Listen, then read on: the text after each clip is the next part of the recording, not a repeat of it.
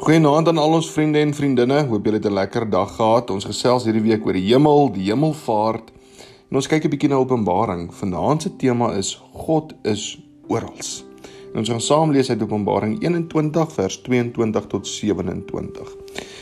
Nou wat het die dorpe Wellington, Gansbaai, Amsterdam en Piketberg in gemeen? So kan ons verder gaan Kroonstad en Lindley en Steynsrus. Elke dorp en stad en selfs die stad Amsterdam het 'n kerkstraat. Nou ek is seker dat die meeste dorpe waarna jy kan dink 'n kerkstraat het. Nou in baie dorpe is die kerk in die middel van Kerkstraat en in die middel van die dorp met so 'n hoë toring sodat mense dit maklik kan kan raak sien. Christene het nog altyd plek gehad waar hulle bymekaar gekom het en God kon loof en prys het en daar mekaar gedien het. Baie mense noem ook 'n kerkgebou die huis van die Here. Nou in ons teksgedeelte van die week lees ons dat daar in die nuwe Jerusalem nie 'n spesiale huis of 'n tempel vir God gaan wees nie.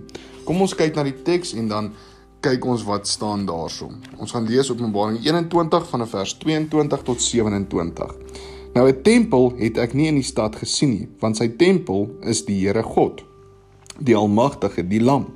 Die stad het nie die son en die maan nodig gehad om te verlig nie, want die heerlikheid van God het hom verlig en die lam is sy lamp. Die nasies sal in die stad se lig lewe en die konings van die aarde verleen luister daaraan. Die poorte daarvan word gedurende die hele dag nooit toegesluit nie. Daar sal nie meer nag wees nie. Die mense sal die luister en die rykdom van die nasies daarin bring.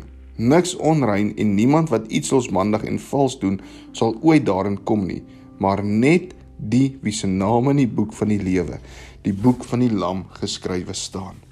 Nou kom ons lees of daar so drie vrae wat ons kan gesels. Waar sê Openbaring bly God in hierdie nuwe stad? Wie mag almal in die stad ingaan en saam met God daar bly? En hoe laat dit jou voel om te weet dat God so naby aan ons sal wees? Nou iets wat jy kan doen is gaan kyk op Google Maps Kroonstad en dan kyk jy hoeveel strate of hoeveel kerke julle in Kroonstad kan sien en kyk 'n bietjie waar is die kerke geleë en hoe die kerke lyk. En dan gesels julle oor hoe God se nuwe kerk, God se nuwe stad eendag gaan lyk. Kom ons maak ons so twee Here.